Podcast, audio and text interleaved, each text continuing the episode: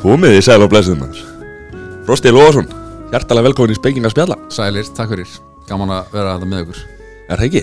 Hérna, hvað hérna, hvað kemur? Hvað kem ég? Já, Ég kem úr Garabænum það er Garðabærin Já, bara hérna rétt hinn með hólinn. Já, Ólst þar upp og til, frá fæðingu til 28 ára aldurs þá, þá flutti ég loksins úr foreldrahúsum. Já, ah, Þannig að uh, mest allan tíman þá ólið mannin þar.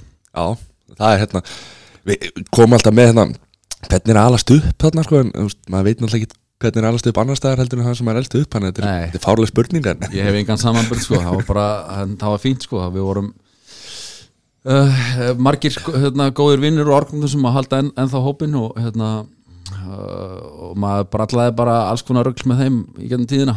Það var ekkit rosalega heilbritt lífverðna á okkur en, en, hérna, en maður komst í gegn, gegnum þetta klakklust svona nokkur negin já, já Og hérna, Og þú gengur þá í, í hérna, uh, hvað, hostaðaskóla eða hvað, Já, ég byrjaði alveg blá fyrst í Hofstæðaskóla síðan fór ég reyndar í Ísaskóla nýri Reykjavík og var þar hangur til ég var nýjára þá fór ég í Flataskóla og svo Garðaskóla og fjölbyrðaskóla í Garðabæ og svo framvegis. En hvern, hvernig, hérna, hvernig verður maður svona tónlistamæður, varstu, byrjaður í, í hérna, bara bílkús? Það byrjaði bara í, í Garðaskóla þá fór maður í hérna í litlu kjallara geimsluna þar sem var svona uh, æfingar aðstæða fyrir hljónsettir og og hérna byrjaði með einhverjum svona skóla hljónsettum sko, það bara byrjaði þannig og bara mikill áhugi á þungarokki og, og einhverju punkmúsík sem að sem að dróma hann í það. Og maður svona maður byrjaði að hlusta og, og hérna sá síðan að þetta, eða, þetta voru einhvers konar hetjur fyrir manni þessar þungarokksnústir, Metallica og Iron Maiden og eitthvað svona þegar maður var að blá, í blábyrjunni og svo döðarokkið maður var hérna, forfallin döðarokks aðdáðandi í mörg mörg ár. Og hérna og það er svona einhvern veginn bara veltist úr einu í öðru svona í, í einhvern hljónstum sem endaði síðan í mínus á sínum tíma. Já Þú byrjar þá hérna va- Varst alltaf í þungarokkinu og, og, og rokkinu svona, Já, ja, við vorum nú í einhverjum svona einhverjum grín rockljónstum hann í Garðaskóla Já. fyrst en hérna svo við að fá svona alvara í þetta þegar ég kynntist uh, Krumma og Ívari sem voru hérna, stoppmeðlumir í, í, í mínus en hérna kynntist þeim bara á punktónlingum nýri MH Já, við bara fórum að tala saman og, hérna og svo var ég bara mættur hljónstaræðingum með þeim daginn eftir. Og það var þetta á Seltjarnesi og, og það var önnur hljónsitt sem að síðar varð rann saman við aðra hljónsitt og úr varð mínus já, Já, þannig að þú, þú úr Garabænum og, og svo eru þarna ég á Seltjarnesi Já, og, og, svo, og svo koma tveir úr Mósesbæ Já, Sem sagt, það eru, ég og Garabænum tveir á Seltjarnesi og tveir úr Mósesbæ sem að stopnuðu mínus. Já. Ég ætla að segja eitthvað brandarum Þetta er út- úthverfa. blá hljómsveit. Rosalega blá hljómsveit sko. Já, þetta er, þetta er útkverfa hljónsitt í, hérna, en uh, við höfum samt að- að- aldrei, aldrei neina tengingar eða að að við séum eitthvað stiðið einhverja stjórnmálflokka eða neitt slíkt. Nei.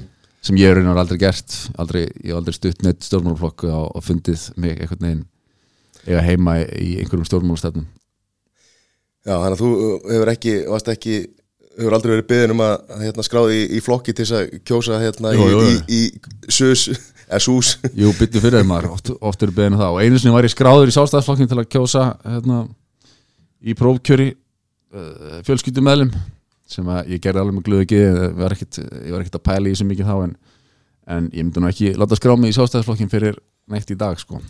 En er þetta ekki bara hluti af hérna þegar maður bara fæðist í Garabænum að vera skráður í sjálfstæðarflokkinu Þú, þú þarft að afskráði, sko, þetta er svo kirkja Þú er skráðið þegar þú fæðist. Máni skráði mér nú einhvern tímann í, í hérna, búrkval sem var hérna, unglega svona einhver unglega hreyfing alþýðubandalagsins í Garabæ Já, ok. Og hérna ég, maður var náttúrulega ekki að það pæli í þessu þá og, og hann bara vill ekki skráði hérna? Og fær pítsu og bjór og eitthvað. Ekkert mál. En hann stopnaði þessa hreyfingu sko og því að þá var náttúrulega kolkrabbin hérna svona alltalað konsept sem er svona klíku myndun sjálfstæðarflokksins í viðskiptaliðinu og máni heldur meina sem þetta að búrkvalur væri eina skeppnan á, á jörðinni sem að æti sem, sem geti kolkrabba.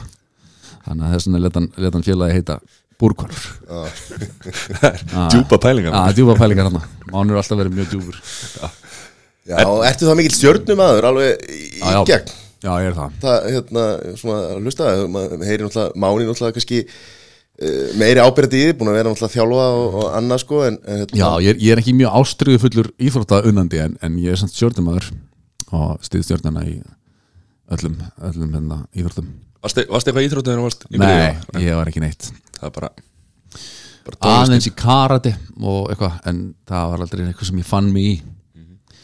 Það er maður að segja það þegar ég byrjaði þessu hljómsveitastúsi hérna 13-14 ára þá, þá fyrst fann ég mig í einhverju svona einhverju hobby eða þannig.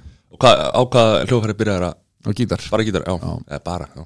En hérna, já Það er margir sem byrja á drömmum og og fara eitthvað svona? Byrjar ekkert að blokklutin í tónlistaskólunum Nei, ekki, eða jú sveimur þá hvort ég hef farið í eitt blokklötu tíma en ég það er ekki mjög minnistætt það var ekki, hafði ekki mjög djúpa áhrif á mig. Nei. eða þannig. En ef við förum að séu bara mínus og svona, hérna, hvernig Þið kynntust þarna bara á einhverju Þekktustu ekki fyrir? Nei, ég veru ekki. Um, Ég held ég hafi kannski eitthvað aðeins svona vita hver krummi var eða kannast við hann. Ég man það samt ekki alveg en, en uh, við bara veist, fórum að tala saman út í sko, reik, vorum að fyrir utan tónleikana og hérna og þeir voru að leta söngvara og sagt ég, ég kem þarna til að syngja í hljómsveit sem að þeir voru með þá sko. Krummi, Ívar og, og Sissi sem að sem að hérna, já, var, var það svona hljómsveit sem heitir hétt Ungblóð sem ég var söngvari og, og gítalegari líka. Og síðan síðan sem þetta byrjuðu að hérna, æfa í sama húsnæði og önnur hljómsveit sem heitir Spitsæn sem var úr Mósesbænum og svo í einhverju svona gríni og brilleri þá fórum við að, að hérna, fyrir utan æfingatíman þá fórum við að sem sagt við ég, Krummi, Mí- Ívar og svo Björs og Bjarni og Spitsæn. Og það small einhvern veginn svo rosa vel að það grín var bara alvöru eins og stundum gerist. Já. Og þið, hérna, Þetta er svaka Þið voru rosa stórir og hérna Og vinsæli sko bara hérna Þetta var bæði hér og, sko. og, Já, og erlendis. líka. Já, Já, já, þetta var þetta, hérna, var hansi vel lukkað um tíma sko. það var bara það var mikill hitti á svona spenna fyrir bandinu í bresku tónlistapressunni og, og við fengum hérna, að túra mikið í Brennlandi og Evrópu. Aðeins í bandaríkjónu líka. Þannig að það var svona við tókum úr þessu það sem að hægt var að taka á þeim tíma sko, held ég. Svona, eð, ja, nei, ég, við hefum, nú- hefum getað gert enn betur ég held að við hefum verið svolítið ekki alveg nógu fókuseraðir. Já. við hefum voru svona meira að hafa gaman bara heldur en að hérna, einbytta okkur rosalega mikið að einhverjum karýr í tónlist. Já. Þetta er hark og þetta er gríðarlega vinna já, já, þetta er það. En hérna en við vorum alveg svona frekar svona góðum það var, gott uh, hérna, lið í kringum okkur og við vorum ekki þurftum ekki mikið að hugsa um eitthvað að bóka túra eða hérna, gistingar eða neitt, þetta var allt svona einhvern veginn planað fyrir okkur og við bara við bara svona riðum ölduna eins og maður segir. Voruð þið á hérna rútum og, og hérna? Já, svona nightliner rútum. Já, með Playstation 12 í kójónum það er mjög skemmtilegt. Maður hefur heyrt það samt að, að þetta er ekki svona, veist, eins og maður myndi hugsa sér að, að hérna, hvernig líf rockstjörnunar er sko. Mm. veist, hérna, í, í þessum rútum sko þið voru kannski ekki eins og, eins og kannski til dæmis Iron Maiden sko með einhverja sérstakar flugvélar í, í verkefni sko. Nei, nei, þetta er, getur verið svona glamúlífið kannski eh, eins og draumurinn er sko, þetta er bara eh, þú veist, að náttúrulega, þetta er svo mikil vinna bara keira á næsta stað, tónleikar Já. keira, tónleikar. Það er þannig sko maður klára tónleikana svo fer maður upp í rútu og, og það er eitthvað drukkið og, og eitthvað svínar í sko og svo sopna maður í kójunni og vaknar í nýri borg. Og þú ætti bara að rulla græjanum inn og fara í soundcheck og borða eitthvað, eitthvað hátíðismat og svo bara býða eftir að, hérna, að tónleikastæðurinn opni og spila aðra tónleika svo aftur í rútuna og svona groundhog day aftur og aftur.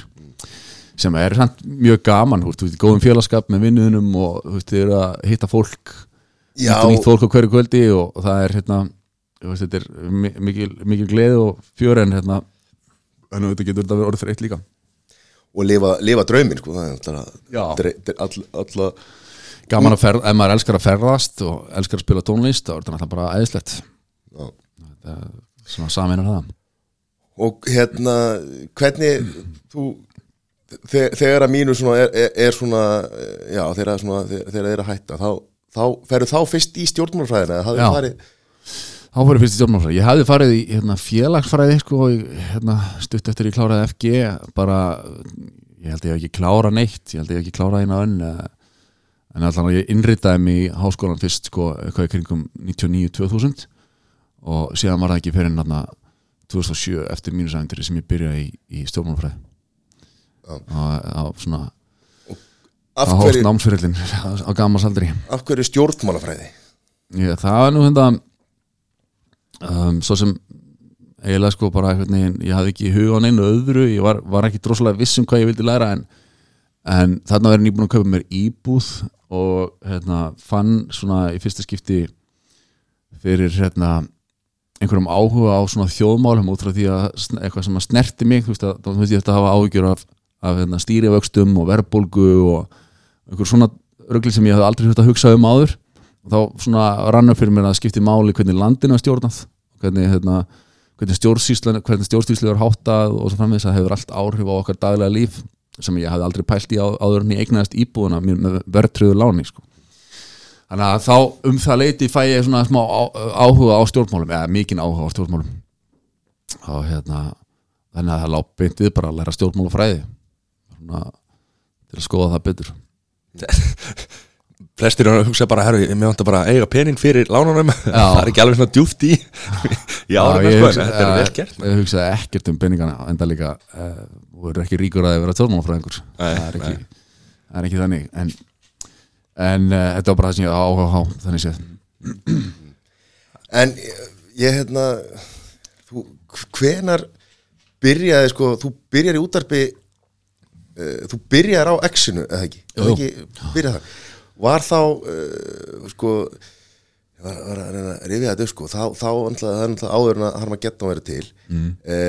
hvernig uh, var það í, sko, var það eitthvað í kringum þá freysa eða búa eða hvernig, hvernig byrjar þú og hvernig komst þú inn í útvarp? Nei, það, hérna, Freysi kemur inn eftir mér þetta, og búi eftir, löngu eftir það. En hérna, það er, er þannig að, að við krummi vorum fengið til þess að gera þungarástátt þegar bara um leið og mínus hérna, vann músiktilinur sem var 1999 þá byrjuðum við með uh, þungarástáttinn Babylon og, og hann var bara vikulega þáttur á miðvöldaskvöldum og síðan fljótlega upp úr því var ég beðin um að taka helgarslott á exinu sem var svona frá 12 til 4 eða eitthvað þannig á lögatum og sundum. Og hérna upp úr því eitthvað svona um ég held að það hafi verið árið 2000 sem að tvíhöfði stakk okkur í bakið. Það er að segja þeir hérna voru náttúrulega alltaf á exinu en svo voru þeir keiftir yfir af, af vonda kompaníinu sem var hérna Norðurljós á þeim tíma Íslenska útasfélagið með Jón Ólafsson og félögum. Náttu bylgjuna og allt þetta og voru keiftir yfir og, og stopnu ný stöð handa þeim sem heit Radio. Uh, og hérna, það var bara stöð sem var búin til fyrir tvíhöða og, og átti að reyna að, sem sagt, að gera út af við exit með því að kaupa þá yfir. Þegar þeir voru keiftir yfir þá var náttúrulega vantaði eitthvað slott í dagdaskarna á exinu og hérna þannig að ég og þá búin til uh, morgunþáttur sem ég heit Miami Metal minnum mig, með Þossa, Jóni Alli Jóna, Jóni Alla Jónasinni og, og henni hérna uh, Önnu Rakel. Og svo kom ég strax á eftir tí sagt, frá tíu til tvö. Og hérna og maður var í mörg ári í því slotti sko frá 10 til 2 á exinu. Þetta var árið 2000, ég byrjaði 99 þannig að það er 20 ár sem maður byrjaði á exinu það er rosalegt sko. Og búin að vera þar alla tíð sko. það hafa verið, eins og þú segir þessar reyfingar hérna það var hérna náttúrulega norðurljós og, og svo var hérna eh, hvað eh, var það aðalstöðin ég er búin að vera á exinu sko fyrst þetta þegar ég byrjaði þá var exið í eigu hérna, Fíns Miðils og Saga Communication sem var eitthvað bandarist fyrirtæki já, var ekki, ekki Steindorma sem að okkur söguna þegar hérna, þegar þessir, þessir kanar hérna, áttu stöðuna og CJ Jones og, og hérna, fræg, eh, ekki fræg saga ég, hérna, ég man alltaf eftir því þegar við voru svona vikulegir svona promofundir á exinu og CJ Jones hann svona, þetta svona stereotýpa af einhverjum svona bandarisk, bandariskum executive, hann var agfeitur og hérna og svo var, var hann að spyrja so how's, how's the how's the program going on, on Radio X? Og, og hérna, Þossi segir eitthvað well we have uh, the freezer here on the, on, og hann segir the freezer! It's a good name! You should use that is he using that name! Uh, well no it's Frosty but uh, well you should use it. It's, good, it's a good name. Og ná, maður bara wow þetta var alveg svona mega stereotypa af einhverjum kana breyti, breyti bara bara. the freezer Radio X. Já, þetta var ná, þetta er nákvæmlega eins og, eins og Steinn Árum að sagði þetta, hann kom hérna Sikani kom hérna og var eitthvað að reyna eitthvað að hérna, setja puttan í, Ísla, í Íslandst útvar sko, sem hann hafði enga þekkingu á sko. En þeir komu samt með svona auðlýsinga það er að segja hérna, uh, svona, hvernig auðlýsingasalan er sett upp. Það, það er ennþá notast við það uh, hérna, á Íslandi bara út frá þessu sem að uh, þeir komu með þannig að Saga Communications inn á fínan miður og það var svona, þá lærðu Íslandingar að, að hérna, selja auðlýsingar í útvarp svolítið, út frá því. Já, með eiga það kannanir. Já, þeir kunna, þeir eru alveg, kap, alveg, alveg kapitalistar sem að kunna sitt fag. Kunna, kunna selja sko. Það er freezer. Heldur að myndi selja meira. Öruglega, það er öruglega rétt hjá CJ sko Hann var alveg með þetta. Og hvað, þeir hurfuðu svo bara af? Já, svo seldu þeir Íslenska útvarsfélaginu mann en þá daginn þegar Jón Ólafsson kom hérna, á, á lögfræðigenginu sinu sem var Sigurður G. Guðjónsson var einn af lögfræðingunum þeir, þeir þrömmuðu þarna inn sko. Og maður basically heyrði bara bara og svartuða Martin sko, var, þetta var alveg evil empire að kaupa okkur. Og hérna og, uh, og maður vissi ekki veist, hvað er alltaf að gera, hvort þau myndu leggja niður stöðar og, og svo framvegis.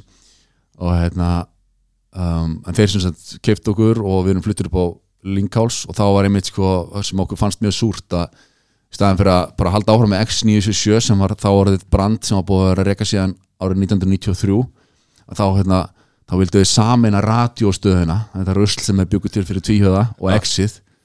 Uh, og radiostöðum var bara búin að vera í gangi í sex mánuði þannig að þá var X-inu breytt sem sagt í Radio X já, 103,7 sem var bara algjör niðurlæging fyrir okkur. En svo þegar það verður hérna, næstu uh, forstjóraskipti Sigur G. Guðjónsson var forstjóri Norðurljósa og hérna, þá spjallaði hann með okkur hann var mjög svona alþýðulegur forstjóri sem kom og, spjallaði við fólki á gólunu og bara einhver svona spjallið okkur mána þegar við sögðum bara þetta er alveg glata við skulum vera með nafnið Radio X en ekki X977 sem var veist, household name búið að vera brand síðan 93 og bara sagði ekkert mál, við bre- breytum nafninu bara strax. Og þannig að þannig að þetta var bara stuttur tími sem að uh, X-i þurfti að heita Radio X. Stuttur mjög niðurlægandi tími fyrir okkur. Ég man eftir í hérna þetta var að gerast og það, menn voru brjálæri yfir því að Exi væri Já. það var það stóð alveg til, eða það var allan í um, umræðunni að hérna, leggja stöðuna niður sko. Og það var bara, þetta var ekki gott sko.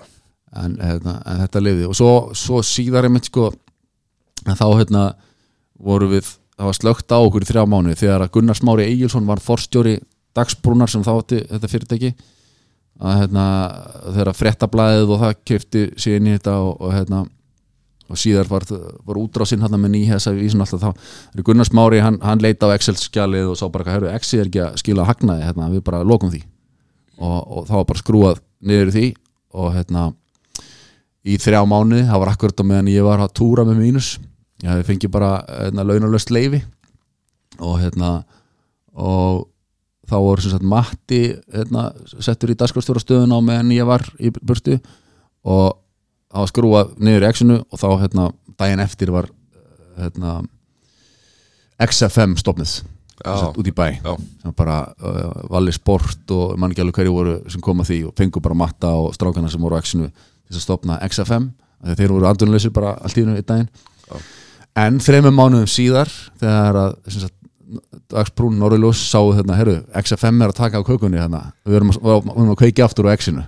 Af því að þú veist þetta er náttúrulega reiki þannig að þú ætti að vera með þú ætlar að vera að dekka alla auglýsingastöðul í útarpi þá ætti að vera með stöð fyrir, eina stöð fyrir sko, hvern hóp. Mm -hmm. Bilgjan er fyrir einn hóp, FM fyrir einn hóp og X er fyrir annan hóp. Ef þú missir eitthvað úr þessu þá kemur bara einhver annar á markaðanum og tekur af kökunni. Já, já, og, þó að X-ið hafi ekki verið að skila hagnaði per se á þeim einhverjum vissum glugga sko, að þá er samt betra að láta það rúlla áfram heldur en að leifa einhverjum öðrum að taka bara hluti af, af keðjunni sko.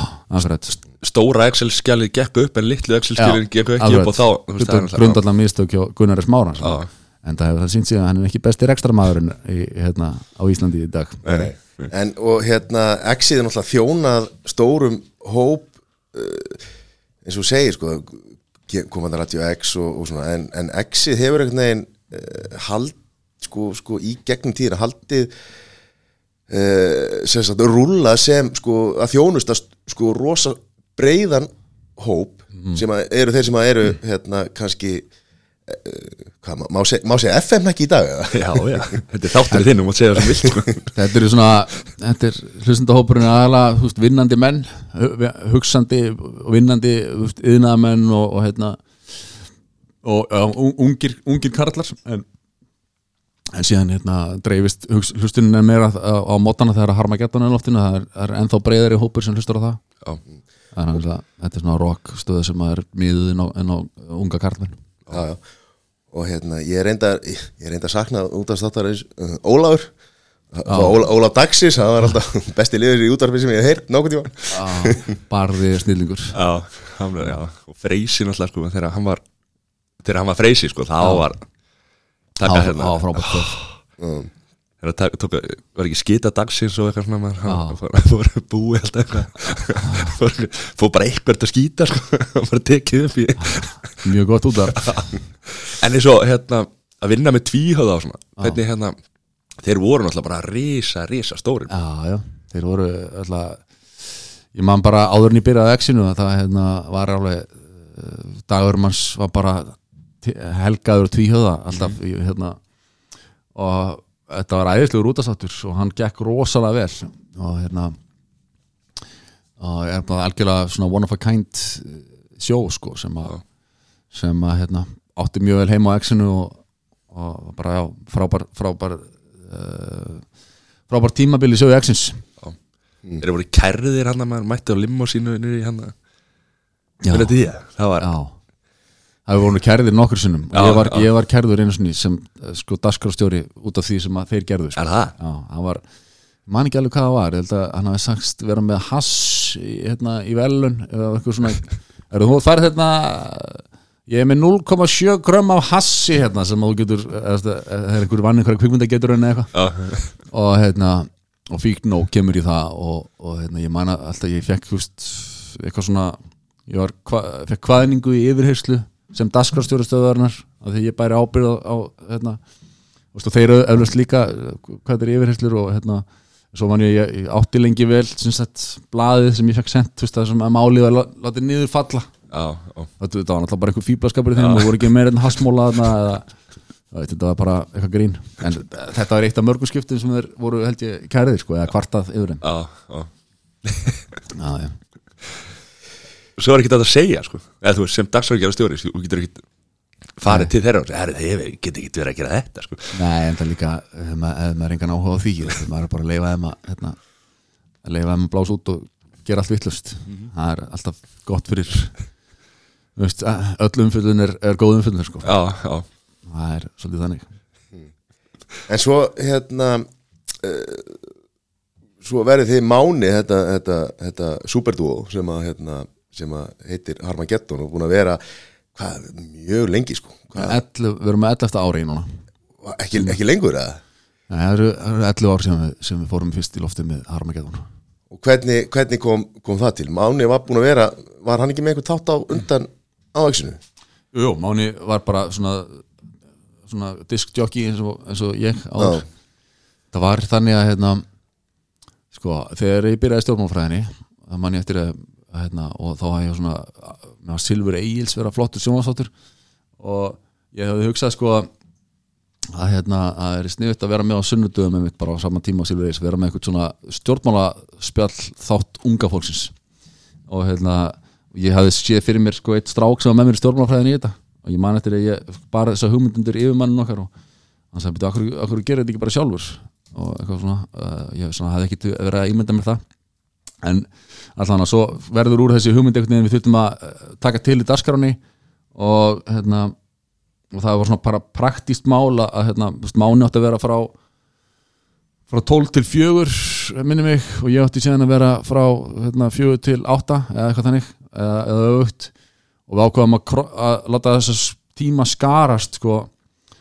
Máni var frá 12 til 4 og ég var frá, frá 2 til 6 þannig að það voru svona tveir tímar sem við vorum saman. Tveir tímar sem mánu var einn og undan svo kom tveir tímar saman og tveir og hérna, þannig var Harmageddon til sem, eftirmyndaðst þáttur fyrst. Já, og vorum hérna í eftirmyndaginn tvo klukkutíma og það bara einhvern veginn small svona heldur vel eins og, eins og hérna hlustendur hafa tekið eftir. Mhm, þetta var svo var einmitt kom sko skall hrunið þarna á skömmu síðar og í oktober 2008 þá var okkur sagt upp eina skipti sem að mér hefur verið sagt upp störum einhverstaðar og hérna okkur bóðið að, að vinna upprætnafrestin annarkvæmt bara hætta núna eða þið viljið vera náfram að vinna upprætnafrestin hvað sem er.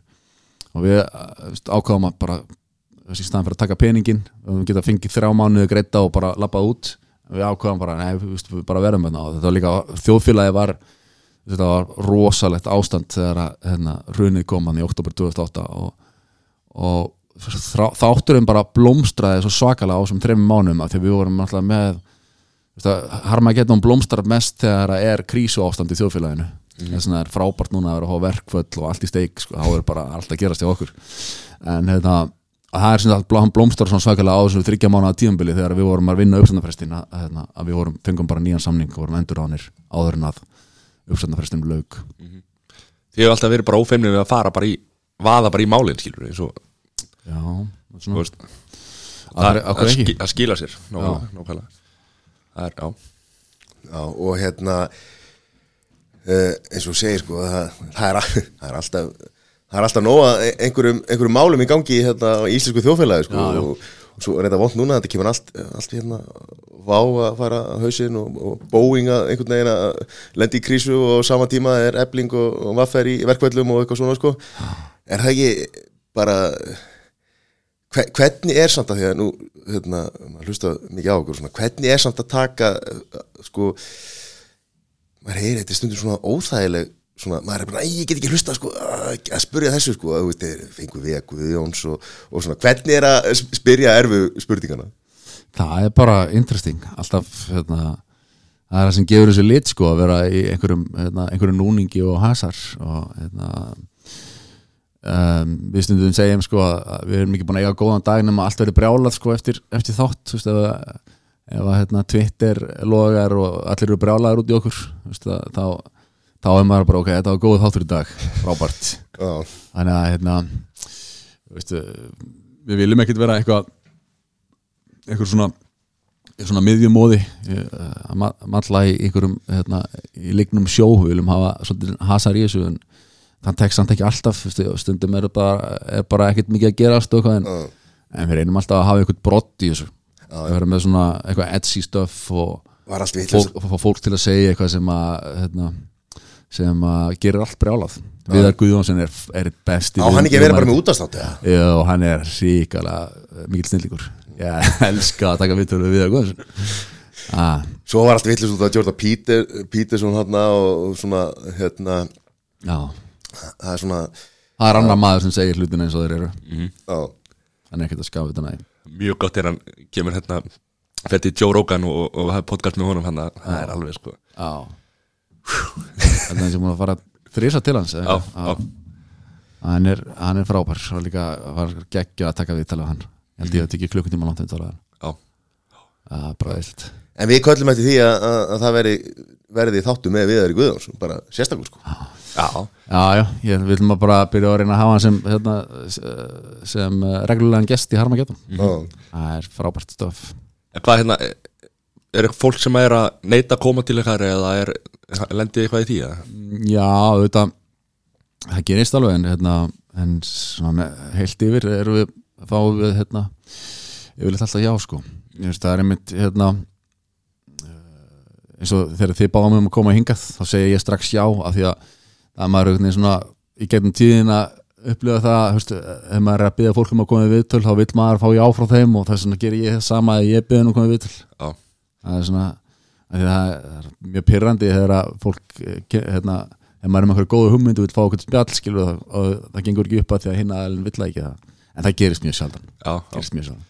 Við finnum líka fyrir því sko hérna, það er ótrúlega hvað við, við erum bara nýjir í þessu og þekkjum þetta og, og hérna maður er að senda fólk og svona og það er ótrúlega jáka viðbröð en þá eins og þessi punktur Þú Þú veist, ef þú ert að vinna við að fá fólk í spjall sko, og ert ekki til að koma sjálfur í spjall sko, þá er það svona, einmitt. það er, það er hérna örgulega ljótt að segja eða hérna, örgulega getur alltaf verið brálega að maður segja en, en sko fáum aðalega nei, neitun frá hérna, kvenkins viðmælendum það, já, er, ok það er eiginlega bara konur sem segja nei sko. svolítið sérstætt Heldur það að sé að því að þið eru tveir kallar að Ég veit ekki nákvæmlega hvað það er en, en hérna, ég held að konur séu hérna, bara svona í, frá náttúrunar hendi ekki hérna, það eru ekki eins átakasæknar það er, það er klárt mál og, og hérna eru svona, vil ekki veist, vil ekki vera að kasta sér ómikið í, hérna, fram í, eitthvað kastljós sko.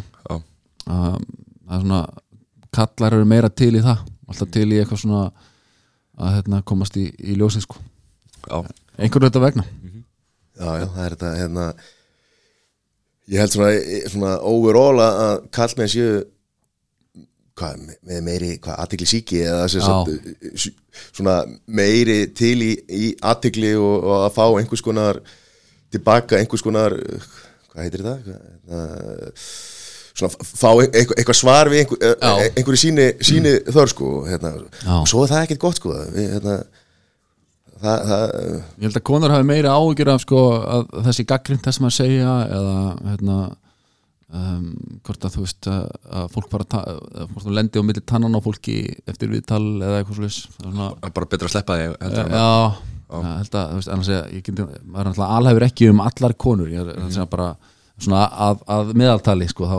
eru fleiri konur sem að segja nei heldur en kallar það er bara að breytast. Það er Já, já, Við förum í þetta. Já, Já, þannig að hérna Þetta er, já, þetta er áhugaverið hérna Pæling. Varstu með eitthvað? Þú, ert- þú, ert stjórna? Jú, ég er- þegar veit það það, er veit ekki frost að stjórna þessu þætti? Hver er að stýra þess að Þessu skipi. Já, en sko sko, hvernig hve- hvernig er að, er þetta sko, ef að þú myndir velja núna að vera annarkvort að vera þá sko í sviðsljósinu sem tónlistamæður og, og þýlifi en svo ertu núna í sviðsljósinu á öðru stað sem hva, bara fjölmiðla maður og, og, og svona hérna e, dægurmála gaggrínandi svona hvernig Vist þér, hvernig, hver er munurinn á því að, að fá aðtikli að því að nú sko fegstu, fenguði rosa mikla aðtikli bæði jákvæða og neikvæða sem tónlistamenn. Já, ég, hérna, það bera þetta saman einhver leiti, þá hef ég, sko, ég hef náttúrulega engan áhuga á að vera tónlistamæður dag, ekki, ekki minnstu löngun eða þörf. Og hérna uh, það er miklu meira uh, svona miklu meiri fylling í því að taka þátt í, í hérna í samfélaginu einhvern veginn sem stjórnandi þjóðmála umræða þáttar það held ég, eða svona ég ætla hana þetta hljómsutastús er svona uh, í mínum huga eitthvað sem tilherði bara svona yngri árum æsku þegar maður var svona ábyrðarlausari og og bara hafa gaman. En, hérna, en nú hefur maður bara gaman að því að, að, hérna, að taka þátt og skapa umræðu í þjóðfélaginu. Uh, og það er svona ástæðan fyrir að maður er fjölmilamaður maður vil bara vera með puttan á púlsinum og, og uh, taka þátt í, í uh, sko öllu geiminu. Veginn? Ertu hættur að spila? Já, ég er eiginlega alveg hættur að spila svona, kemur einstaklega sinni fyrir að maður tekur upp kassagítarinn eitthvað að glamra. Já. þannig að þú ert ekki með þess að eins og oft með tónlistamenn að þess að þess að bara þörf fyrir að koma fram sko, sama, sama hvað það veist, sama hver, hvaða venju eða vettvangurinn er bara, veist, bara að koma þessari list áfram sko. Nei, allavega þú veist, ekki ekki allavega um sinn. Ég veit ekki, ég kannski einhverju þetta veitna hefur maður aldrei losið sig við neitt að veist, öllum græjónum maður á alltaf hérna, magnarana og gítarana alltaf, veist, einhverja 20 gítara inn í bílskur sem að eru þar bara á einhverjum töskum að safna reiki en hérna Já. en allavega hef ég ekki fundið neina löngun til þess að taka það upp aftur. Er, Ertu sérst að útiloka það að, að mínus verði með jólatónleika og fari inn á jólatónleika markaðin Já, ég held að það sé frekar ó- ólíklegt sko. Eins og staðan í dag allavega. Er ekki mjög líklegt. Henda í hérna lokatónleika eins og hérna, var ekki sálinn sem var með einhverja tól lokatónleika og, og hérna. Já, þetta loka lokatónleikar Já, og, og, og hérna, okkar besti maður, Friðrik hérna, Friðrik Dó, sko, var með síðustu tónleikana sem voru síðan ekki síðustu tónleikana. Já, nei, ég, hérna, maður myndi ekki vilja taka þátt í einhverjum svona lokatónleikum bara til þess að fá pening, sko, það er ekki það er, það er ekki rétt að fósundu til þess, en það getur vel verið að, að einhvern tímann viljum við bara upp á svona gamanið koma saman í eitthvað, einhver eh, eitt eða fá skipti. Já, alltaf góð afsökun að gefa plöt út á vínil, sko. Já, já. Það er svona, já, við þurfum að, við þurfum að henda, við þurfum að henda í einmitt. Það eru, Já, það þarf svolítið að koma þessu mínustöfi á, á vínil, það er reyndar alveg rétt. En hérna en eins og staðan er þá er það ekkit svona í sjónmáli sko. Ekki, ekki Nei. En svo litlar hugmyndir kveikna og svo Já, já, ferð þú hérna út og fer að það er að heyri hvað? Þetta hefur alveg verið rætt sko. Undanförnum misserum að höfum við hérna svona eitthvað verið aðeins að að pæla í þessu en hérna en það er líka sko eins og ég sjálfur persónulega er hérna ég er í, í skóla líka vinnu og hérna 100% vinnu, 100% skóla og, og með hérna, fjölskyldu og batn og svona þannig að það er einhvern veginn ekki þú veist, þegar maður kemur heim úr vinnunni þá, þá býða manns önnur verkefni maður er hérna, öll kvöld og helgar að að hugsa um einhver skólaverkefni og svo Já. Hvað, hvað er þetta að læra? ég er, ég, ég, er, ég er bara að klára meistaraverkefni mitt í blá og fréttamennsku ég er reyndar hérna, það er svona, ég er búið að vera síðustu önnum er ég alltaf búin að vera í einhvernum tímum en núna er ég bara sagt, ég er bara að loka verkefni eftir. Já, já, þannig að það er svona það er líka heldur erfitt að að vera með svipuna á sjálfum sér hérna, því að maður er ekki maður er ekki með eitthvað svona ramma utan um þetta núna en, en ég ásins að þetta útskrifast í, í vor. Já, taka við skýrsteinunni í, í júni það er vel gert maður. En hvernig hvernig, sko, hvernig er að vinna hvernig er vinnustæðurinn og að því að nú, hérna, í gegnum tíðina nú er- ertu náttúrulega með uh, langa og mikla reynslu af að vinna fyrir, fyrir öll þessi fyrirtæki sem heitir, heitir Norðurljós og, og Sín og 365 og allt þetta. Hvernig er vinnustæðamenningin svona þegar þið, þið eru í kaffetímanu með, með FM liðinu Já, sko. Þessi rígur líka, sko, Það er hérna- Förum að síða Það. Er einmitt hérna, ég veit ekki, er ekki gott að segja akkur þannig, maður er ekki alveg nú er búin að vera hérna í sín sko nýra á Suðurlandsböð síðan í haust og maður er ekki alveg búin að venjast fyrir vinnustafamenningu ennþá. En hérna en sambúðin við þessa hérna, bjána á FM 957 gengur ágætlega sko, það er svona það hefur, það hefur oft verið meiri rígur sko, svo hefur þetta einhvern veginn minka líka allt saman, held ég að í gamla dag hafi verið miklu fleiri starfsmenn á öllum þessum stöðum. Uh, núna eru við sem sagt bara eiginlega þrýr á exinu eða fjórir. Ég er Máni Ómar og núna nýr strákur sem heitir Jón Már, eða sér að Jón. Og hérna en annars eru búin að vera þrýr núna í mörg ár og FM er líka hérna, svona færri starfsmenn hann þetta er voru voðalega lítið og svona kósi hérna, ein lítil fjölskylda einhvern veginn, ekki jafn mikill rígur og verið ganað þó að FM nakkarnir séu náttúrulega alltaf bjánar. En, en sambúðin við, við síðan hérna, fréttaliði? Já, það er eiginlega sko, síðan er það allt í öðru húsi þannig að við hittum það kannski bara í hátæðismatnum eða eitthvað. Já. það er svona ekkit rosalega mikill samgangur þar á milli. En þegar hérna Hvernig var, var tvíhöður sem að tóku sambandi hérna FM eða Nei, var tekið úr sambandi hérna eitthvað mann ekki eftir því.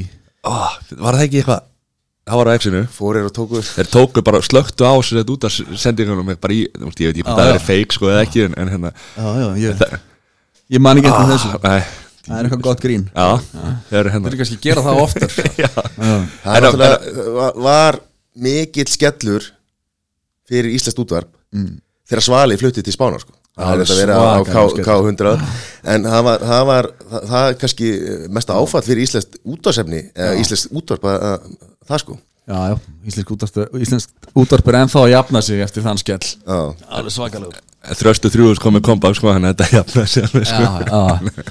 Þið eru greinilega vel að ykkur hérna í þessari útvarpsögu Já, þetta er hérna. En hvernig er að fylgst vel með stróka Já, við, alveg klálega sko.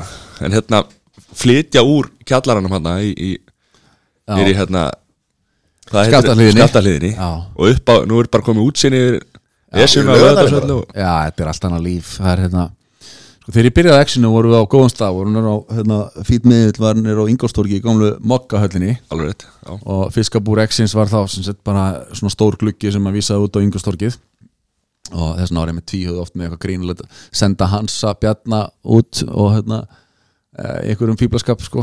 Og þá gæti maður bara verið í glugganum og stýrt honum í getnum headset á iPhone veist, á síma en hérna síðan fórum við þaðan upp, í, upp, upp á Linkháls þegar þetta varð Radio X og þá vorum við með svona glugga stúdíu líka bara út í bílaportið sem var svona allt í læg en svo kom þeirra Gunnarsmári hérna, tók við fyrirtækinu og slögt á okkur um tíma hana þá, þá var þetta allt fluttnir í skaftalíð og nýðan hann gluggalösa kjallara sem við kallum klóakjallaran af því að það var, það var alltaf að gjósa upp eitthvað, svona, eitthvað stípla klóakið þetta neyri og, og það var bara svona anstíkileg mannaskýtsfíla sem að lagðist yfir allt og maður að ágjur að þetta bara væri að setjast einhverju sörgerlar í fötum hans, þannig að þetta var ekki beint bóðleg aðstæða en hérna en svo eru náttúrulega bara komnir í eitthvað super deluxe stæmi núna nýra á Suðurlandsbyrð með eins og ég segi, útsinni yfir lögadalinn og og Esjan í öllu og- sinni veldi, já, já, og besta mötuneyti sem að ég hef nokkuð tíman stíði fæti inn í að það er hérna að efstu hæðinni hjá sín Já.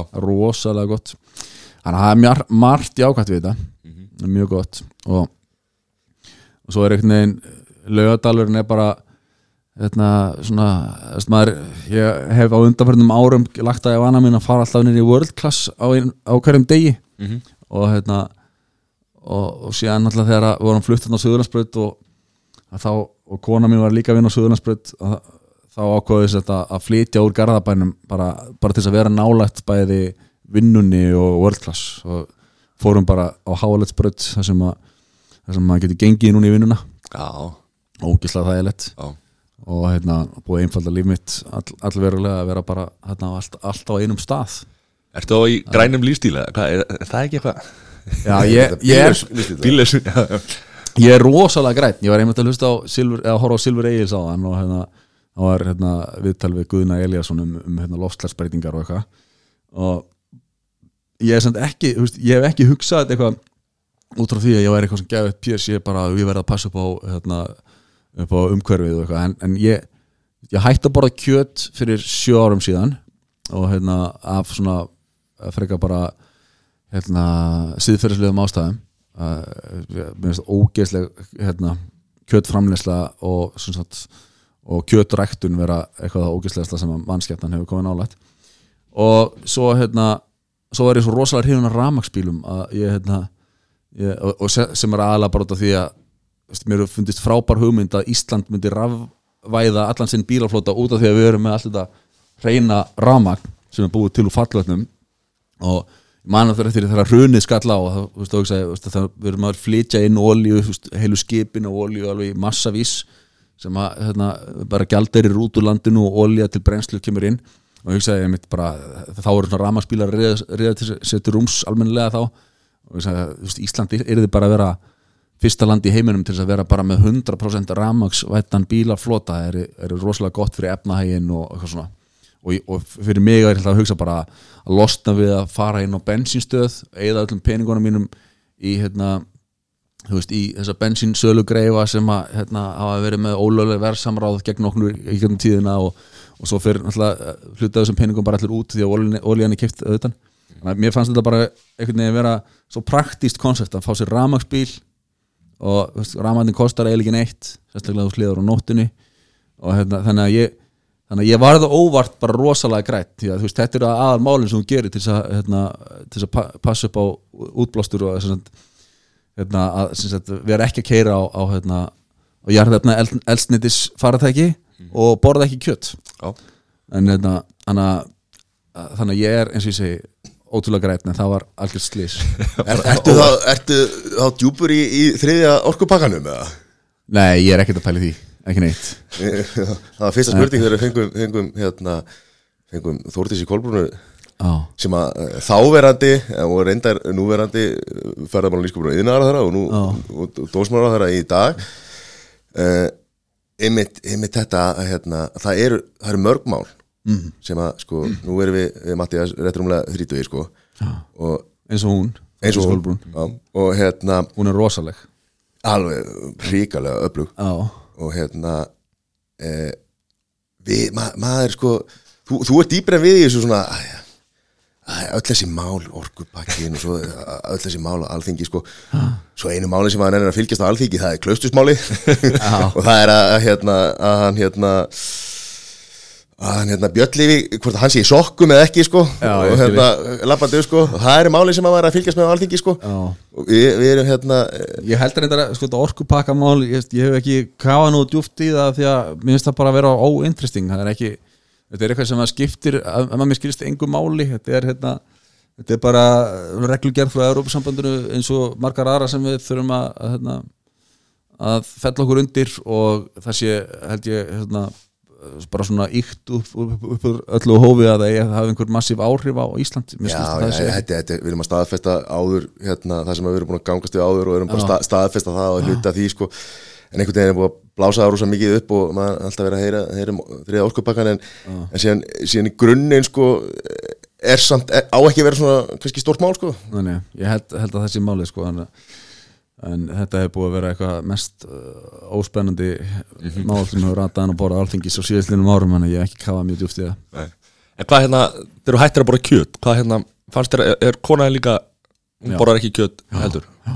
Fannst þér það bara ekkit mála að hérna Nei, það var ekkert mál það var bara hérna, það var bara á einni nóttu var ég hættur að borða kjöt og hef aldrei maður er aldrei dottið í huga að leggja með til munn síðan ég horfði á mynd sem heitir Earthlings Já, hún er hérna, svona heimildamynd sem að uh, Joaquin Phoenix er svona narrator yfir Mhm. og hérna hún sýnir svona uh, mjög svona á mjög svona grótesk hátt hvernig hérna, kjötframleyslu er háttað og þú veist slátranir og, og hvernig faraðið með dýrin og, og, og, hérna, og allir svona þættir kjötvinnslunar sem að ef maður horfði á þessa mynd bara, einhvern veginn, þá hætti ég bara með, með það sama, þá hætti ég að sjá kjöt sem mat þannig að það var ekki eitthvað svona, ég þurfti að vera að neyta mér um þú veist, daginn eftir bara ef ég sá nautasteik sko, þá, þá sá ég bara, það er eins og ég bara að horfa á steiktan gúmmísóla að, þú veist, já, já. einhverju stígvili það er bara ekki matur í mínum huga. En ertu í fisk og já, ég borða fisk og, og hérna, mjólkuvörur Já, ég er ekki vegan Nei, nei, bara ekki neitt kjöt. Mhm. þannig að það er ósla, ósla auðvelt hérna, um, þetta, er, veist, þetta er ekki mikla fórnir sem maður er að færa maður, hérna, þetta er rosalega auðvelt að vera peskaterjan hérna, maður getur alltaf að fengið eitthvað við sitt hæfi og, og ég elska líka allt, allt sem er vegan veist, þannig að, hérna, mér finnst þetta að vera mjög auðvelt skref sem er samt mjög stórt af því að veist, ef allir myndu hægt að borða kjöt þá erum við að leysa rosa stóran vanda sko. það er hérna Já. Og loft, loftslags, Já. loftslags vanda líka í, í leiðinni sko. Já, algjörlega, því að það er mjög stór hlut af því vandamáli er bara kúaprömp sko. já, Sama, sem er styrla sko. já, sem er styrlu staðrind en það er þannig þannig að, að ég, hérna ég, en ég hef samt aldrei verið að hvetja neitt til þess að hætta að borða kjöt Mhm. það er ekki, ég hef ekki fundið hjá mér neina þörf til þess Fólk bara, já, eins og segir, fólk gerir bara það sem að svo var þetta, svo var þetta líka svona frábæra áhrif á hérna, bara meldinguna og, og svona, þú veist, maður lendir aldrei í því lengur að að þurfa að leggjast niður eftir maður bara, ó, ég er svo ógeðslega sattur maður er alveg búin að vera að springa. Þú veist, maður er allir miklu alltaf, þú veist, að borða fisk og svona þá, þá hérna, lendur ekkert í því að vera offsprengjað en eitt. Það er rosa þægileg tilfinning að vera að lausu það. Já, þannig að þú vilt meina líkamlega sko líkamlega helsa að Já, batna já, orðið já. betri í, kjölfari ég held í fram að ég hef aldrei verið í góðu formi hérna, á æfinni eins og ég er núna. Bara, og ég er ofan færtur núna. Já, eitt flottasti viðmældur okkar sem að við fengið hérna sko. Já, ég hef ekki spurning. Það er áramenni reynir ekki Nei, og hérna, já, þú, þú og, og fengur reyndar feng, fengur reyndar hérna haffa, hjóla íþrótta frömmuð sko en ég, mér sýnist þú bara í betra formi hendur en hann sko. Já, já, ég held að þetta sé bara eins gott og verður. Gott og það gerist. En hvað hva viltu segja núna hérna, við tölum aðeins um, um, um akkurat umræðan í þjóðfélagin í dag sem að er sem er eh, mörg málefni en eins og, eins og með þessi verkfull mm. hvernig hvernig horfir þetta við stjórnmálafræðingum? ég, hérna, mér finnst þetta að vera nokkuð skýrt að það sé ekki neitt svigrum til launahækana per se en hérna en það þurfi og það sé rík ástæða til þess að að hérna lækka sagt, verðlag á, og, hérna, og þann kostnað sem að sem að hérna, hlýsta því að, að draga fram lífið á Íslandi. Það er, það er allt og hátt hérna, verð á, á öllu gott sem það eru húsalega, húsnæði matvörur og svo framvegis. Og við erum með hæstu lægstu laun í heimi, við erum með hæstu meðalaun í Európu við erum að veist, það, það ekki það meikar engan sens að hækka alltaf og hækka og hækka hækka launin bara því að verðlægið helst alltaf í hendur. Við þurfum að þrýsta niður frekar verðlæginu og skapa þannig hérna, meiri, meiri sko hérna, uh, hérna meiri fjö milli handan á fólki Mhm. uh, með því að hérna, au- auka sagt, auka kaupmátt með því. En að mér finnst þetta alveg galið að vera að fara í verkföll til þess að hækka laun. Uh, það á bara eftir að býta okkur í raskatið Já, já, breytingin þarf að koma annar staðar já, frá. já, ég held það því að það er bara svo staðarind að við erum með veist, hæstu meðalaun í Európu og, og, og það er þess vegna sem þetta fólk kemur hinga að vinna á lágulaununum það er 40.000 hérna, erlendir verkamenn á Íslandi sem að koma hinga frá lágjaldasvæðum í Európu þar sem að fá miklu, miklu minna borgað fyrir sömu vinnu koma hinga og vinna í hótel þjónustu þernustörfum eða byggingariðinæ og fá, fá miklu meiri pening heldur en að fá fyrir sömu störf heima á sér. Þannig að mér er svona skjóðar svolítið skökku við að, að, að hérna, Ebling sem er þú veist, með helming félagsmanna eru útlendir farandverkamenn sem að eru að setja þjóðfélagi svolítið á hliðina hérna, til þess að hækka laun þessa starfsfólk sem kemur hinga til lands til þess að, að því að það er langar að fá þessi laun sko. þetta, er, uh, er margt, margt sem er rauglaði það er, pælingin er, veist, maður er búin að heyra þetta mjög oft sko, að, að hérna, það er ekki alltaf bara talan á launaseilinu sem að skipti máli, þannig að þá hækka náttúrulega, þá allt eftir að hækka ef, að, ef að launin hækka, þá hækkar skiptir allt yngu máli hva, hver launin er raun og veru eru sko, í krónum talið því að þetta snýst allt bara um kaupmáttin hvað þú fær fyrir krónum og þetta er mikið- enda verkafólk einmitt, sko, þegar það tekur 50 skall af þessu launi sem maður fer með hann heim þá er hann sko 150 eða 200 skona virði þar. Já, af því að þú fær miklu meira fyrir peningin það er bara Það er bara einn maður sem hefur verið að reyna að breyta þessu Það er hérna, okkar maður í IKEA Þór, Já. Þórarinn Þóra Næfusson, hann Já. hefur lög að mæla hann er svo mikill snillingur veist, þetta er nákvæmlega uh, það sem hann er að segja við sjáum það, hann er að nefna þú veist, bara kostnaðin við það að veist, eitt svona cocktailsósubox sem er þú veist, 5-10 krónur, það er selt á 300 kall og, hérna, og, og, og rúnstykkið út í bakari það kostar 10 krónur að framlega það er selt á 400 kall Já. þetta er alger steipa, saman með bjór eða, kostnaður við að framlega eitt bjórglas er 5-10 krónur. Og saman með kaffi. Veist, er, við erum bara að láta taka okkur í ósmurt Já, og, hérna, og þetta þrýstir öllu verðlagi upp það við erum með vísitölu neysluvers með þess að eh, lánin okkar húsnæðislánin hækka í þessu Mhm. þannig að svo er alltaf verið að skilja sér baka við leiguna og starfs, þú veist, hérna, launin og svona, en ég meina, það, getur ekki verið, eins og segi, bara 380 krónur eða eitthvað hagnaður á kaffiballa, sko.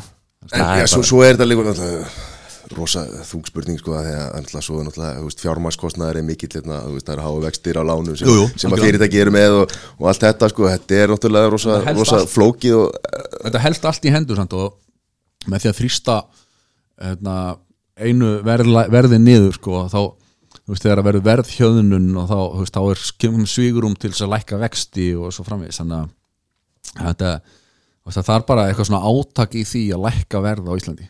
Tó- Þóra Nævason, hann er alveg komið frábært innleggi þá umræði bara.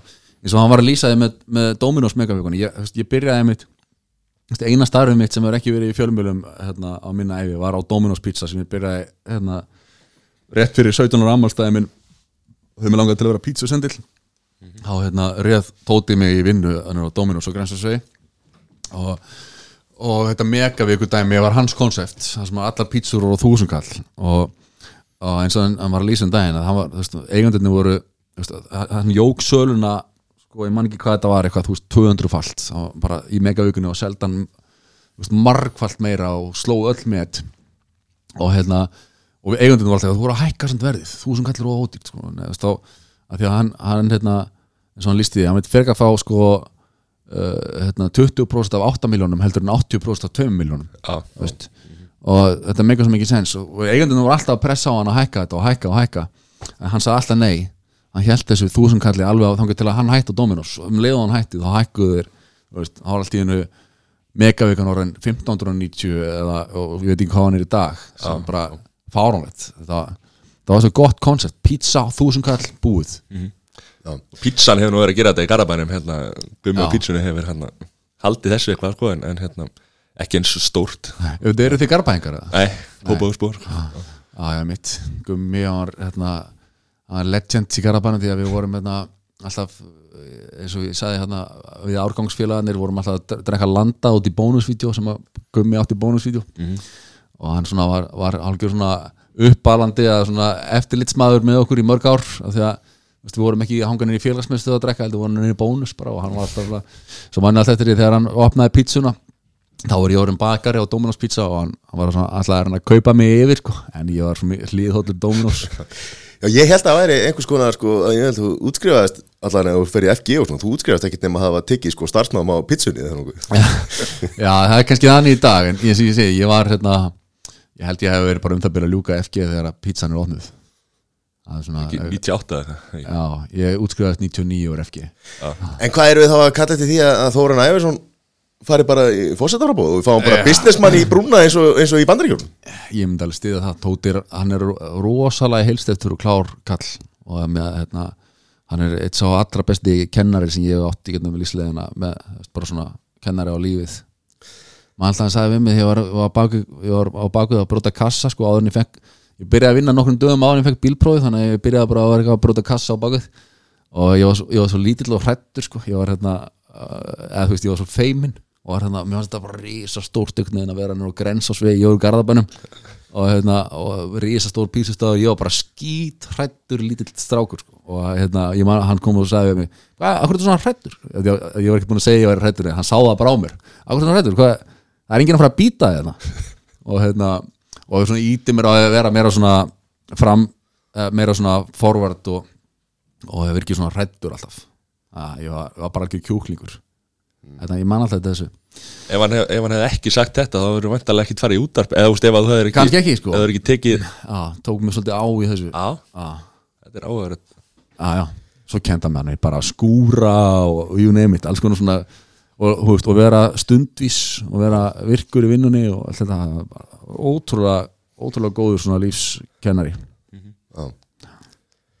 heldur betur maður. Hvað er hérna, eitthvað að lókum með það Ertu, hérna, hvað er framöndan hjá, Harmageddon og kannski bara þér? Bara hjá já, Vá, ég bara hérna mm, er núna, eins og ég segja að reyna að klára lokaverkefni mitt í hérna, einstaranáminu og, og það verður rosalega hérna, góð tilfinning held ég í, í vor þegar að skólaferli mínum líkur alveg, ég ætla aldrei, aldrei að fara í skóla aftur þetta er búið að vera allt og langt og leðrætt en hérna Já og þá hérna, hefur maður meiri tíma fyrir einhver svona hlýðarverkefni og kannski gera eitthvað meira úr Harmageddon. Við höfum svona gennum tíðin að verið að svona dunda okkur við að gera alls konar svona Harmageddon, þú veist, sjómvarp Harmageddon, uh, hérna, fréttaskrif og svo framvegs og ég held að hérna, það sé alveg svona áhugi fyrir því að vi- útvíka Harmageddon konseptið eitthvað þegar, að- þegar tími gefst þegar skólanum líkur Já. til dæmis.